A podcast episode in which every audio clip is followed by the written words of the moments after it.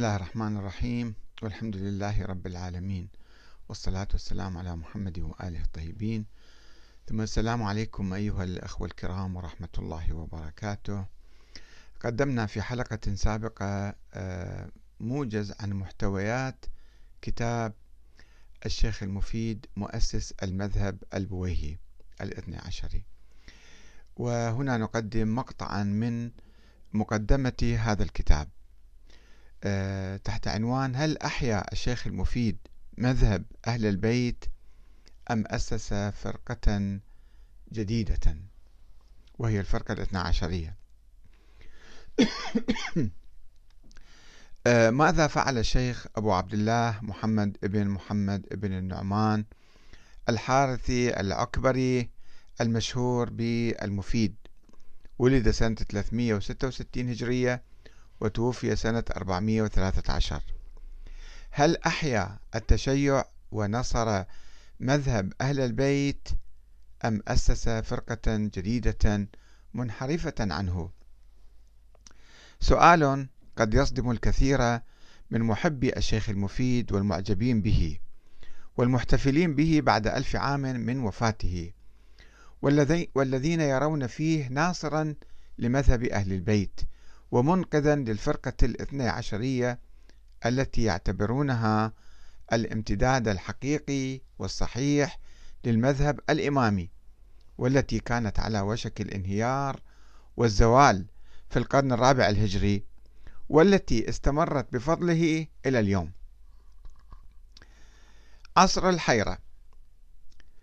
وكانت هذه الفرقة الاثنى عشرية قد نشأت خلال القرن الذي سبق ولادة الشيخ المفيد.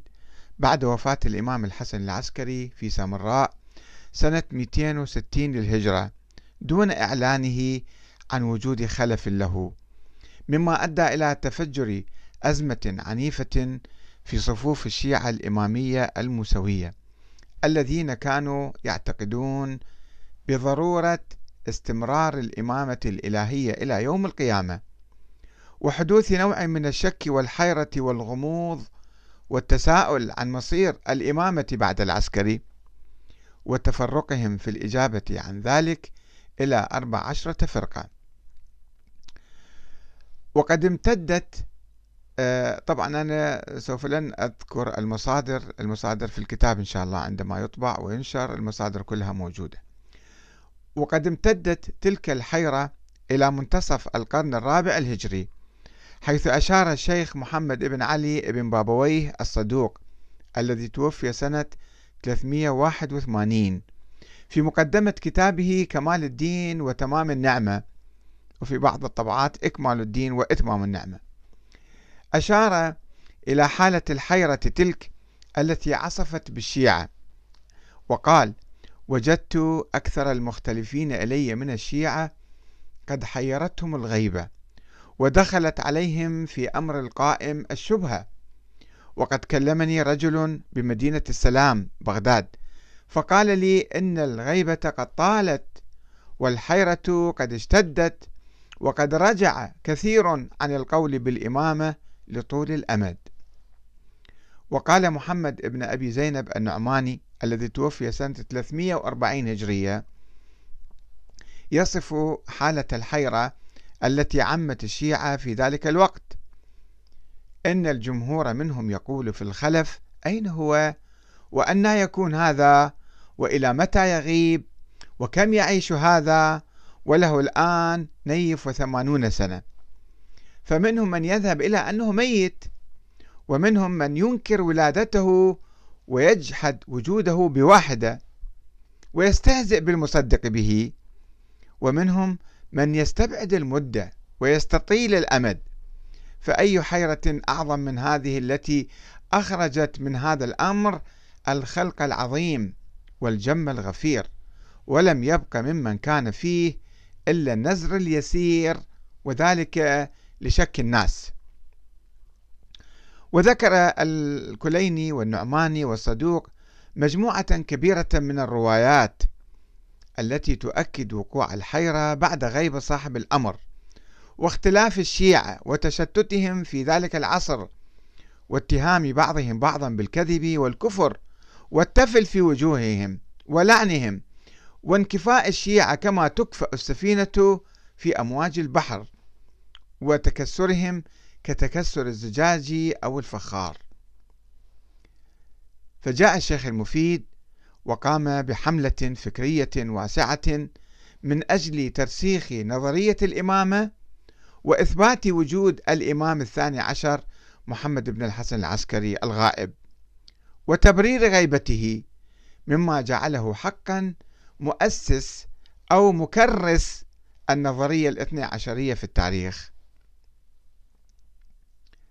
وقال عنه تلميذه الشيخ الطوسي انتهت إليه رئاسة الإمامية في وقته وكان مقدما في العلم وصناعة الكلام وكان فقيها متقدما. فيه حسن الخاطر دقيق الفطنة حاضر الجواب وله قريب من مئتي مصنف كبار وصغار. فقد كتب آه، خالد توفيق في مقدمته لكتاب السيد علي الخامنئي قائد الجمهورية الإسلامية الإيرانية عن الشيخ المفيد وهوية التشيع.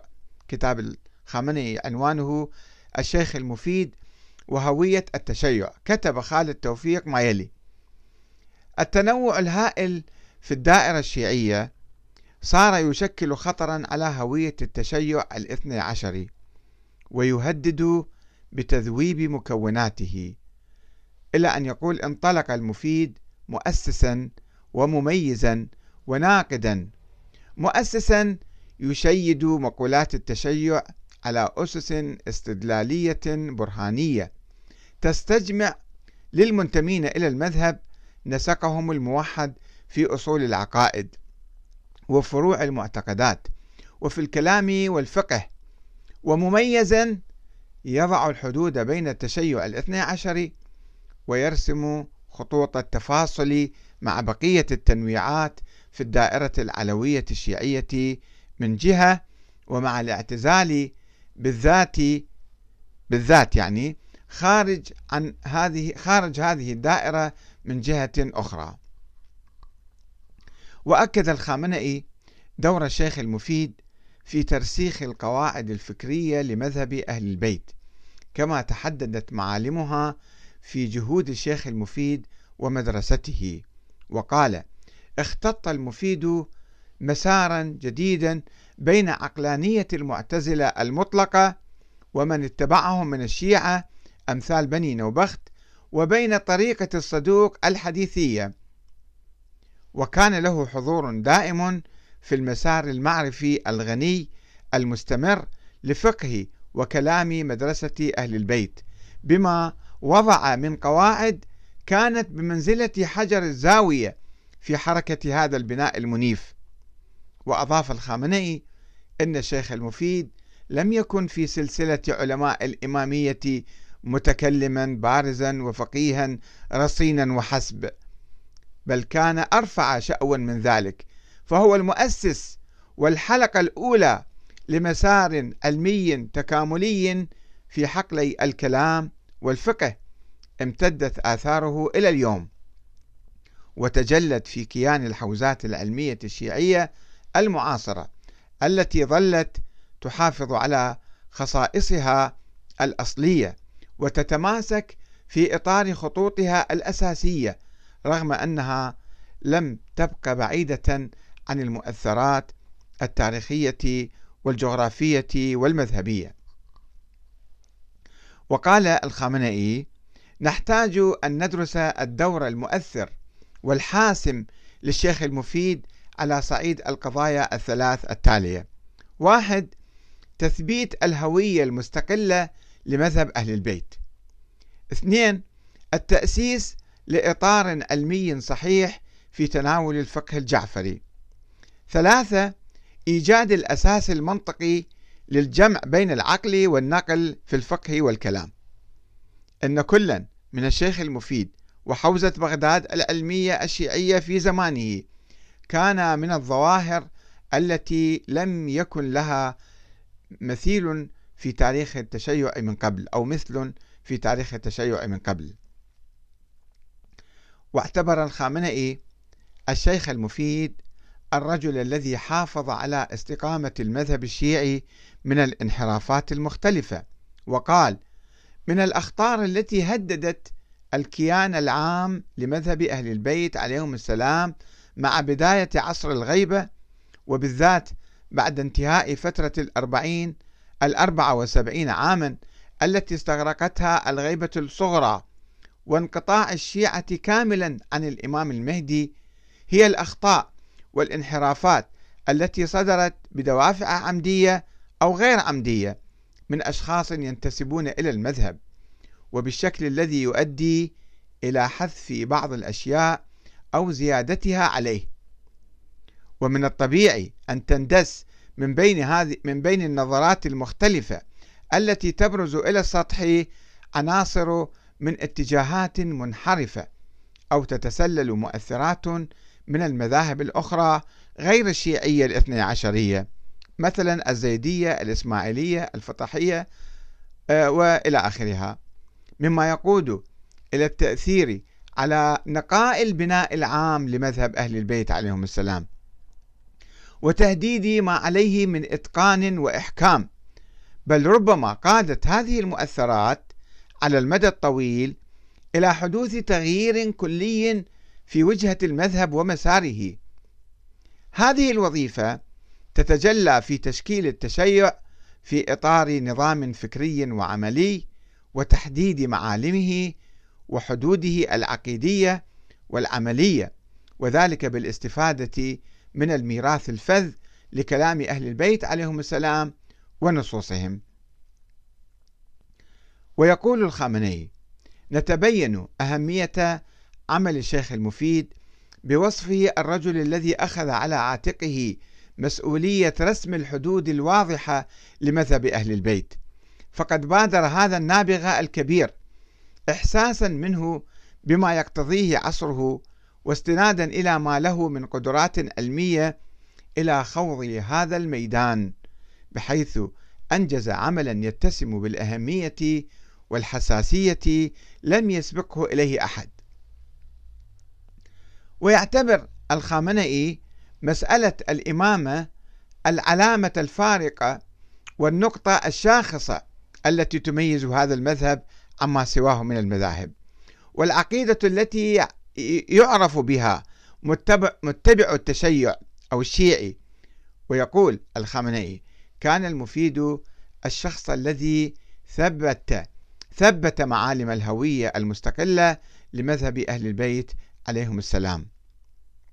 وقال الشيخ إبراهيم الأنصاري الزنجاني الخؤيني إذا صارت عقيدة من العقائد المعتبرة عند الشيعة موردا لهجوم الأعداء بالتشكيك فحينئذ يدرك العقل بأن مشرع الشريعة وصاحب الدين الذي ليس هو إلا الله تبارك وتعالى يغضب لتحريف دينه ويحب الدفاع عنه بلسان أو بيد فمن اجتهد في تقوية الدين أو جاهد في سبيل الدفاع عنه بدفع التشكيكات ورفع الشبه التي يريدها الأعداء فقد قام بنصرة الله تعالى الذي ينصر من ينصره ويصدق أنه من الذين جاهدوا في سبيل الله. وشيخنا المفيد من أبرز مصاديق هؤلاء المجتهدين في تفسير الدين وتوضيحه ورفع الإبهامات عنه. بين قوسين الإمام المهدي ينصب الشيخ المفيد مرجعا أعلى للشيعة عبر التاريخ.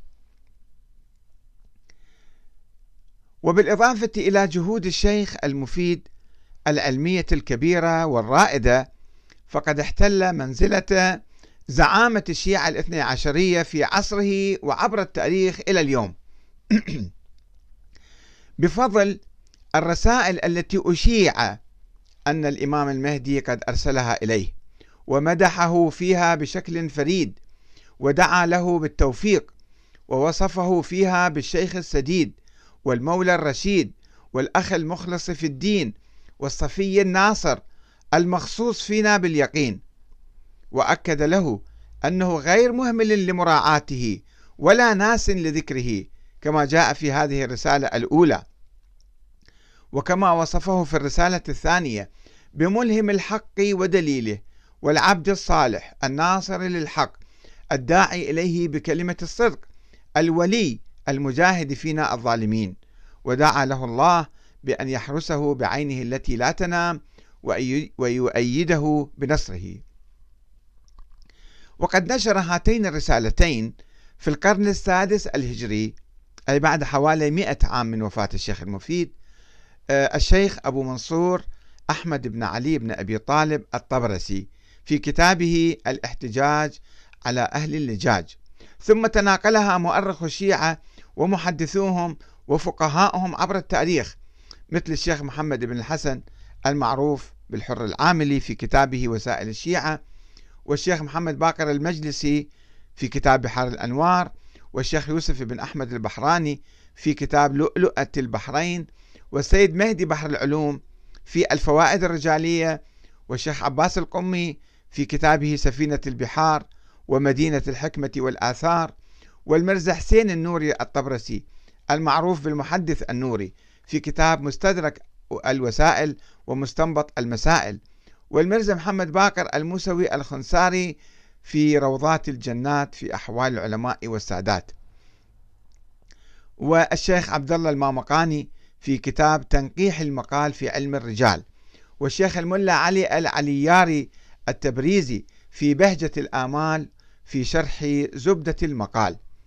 والشيخ محمد هادي الأميني في كتاب معلم الشيعة الشيخ المفيد وكتب أخرى طبعا هذه نماذج. هاي الرسائل التي نقلها هؤلاء العلماء أضفت على الشيخ المفيد هالة مقدسة فريدة وعظيمة. وقد تعززت صورة الشيخ في الذهن الشيعي عبر التاريخ أيضا من خلال الرؤيا التي نقلها في القرن السابع الهجري عبد الحميد ابن أبي الحديد المعتزلي الذي توفى سنة 655 في كتابه شرح نهج البلاغة عن فخار ابن معد العلوي الموسوي عن الشيخ المفيد أنه رأى في منامه كأن فاطمة بنت رسول الله صلى الله عليه وسلم دخلت إليه وهو في مسجده بالكرخ ومعها ولداها الحسن والحسين صغيرين. فسلمتهما إليه وقالت له علمهما الفقه. فانتبه متعجبا من ذلك فلما تعالى النهار في صبيحة تلك الليلة التي رأى فيها الرؤيا دخلت إليه في المسجد فاطمة بنت الناصر وحولها جواريها وبين يديها ابناها محمد الرضي وعلي المرتضى صغيرين.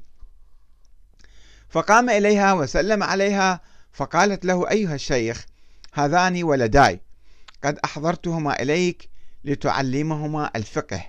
فبكى أبو عبد الله وقص عليه المنام وتولى تعليمهما ما اشتهر عنهما. وقد تناقل هذه الرؤيا علماء الشيعة عبر التاريخ وأصبحت دليلا بين قوسين إضافيا دليلا مهما إضافيا على مكانة الشيخ المفيد الروحية الفريدة في التراث الشيعي الاثني عشري. وأضيف إلى ذلك ما اشتهر أيضا بين الشيعة من رثاء الإمام المهدي للشيخ المفيد وإلقاء رقعة على قبره فيها هذه الأبيات لا صوت الناعي بفقدك إنه يوم على آل الرسول عظيم إن كنت قد غيبت في جدة الثرى فالعلم والتوحيد فيك مقيم والقائم المهدي يفرح كلما تليت عليك من الدروس علوم.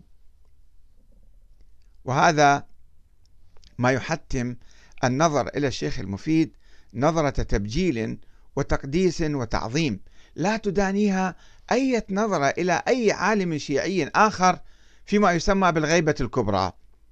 نظرة مشابهة لنظرة الشيعة إلى النواب الخاصين الأربعة في فترة الغيبة الصغرى.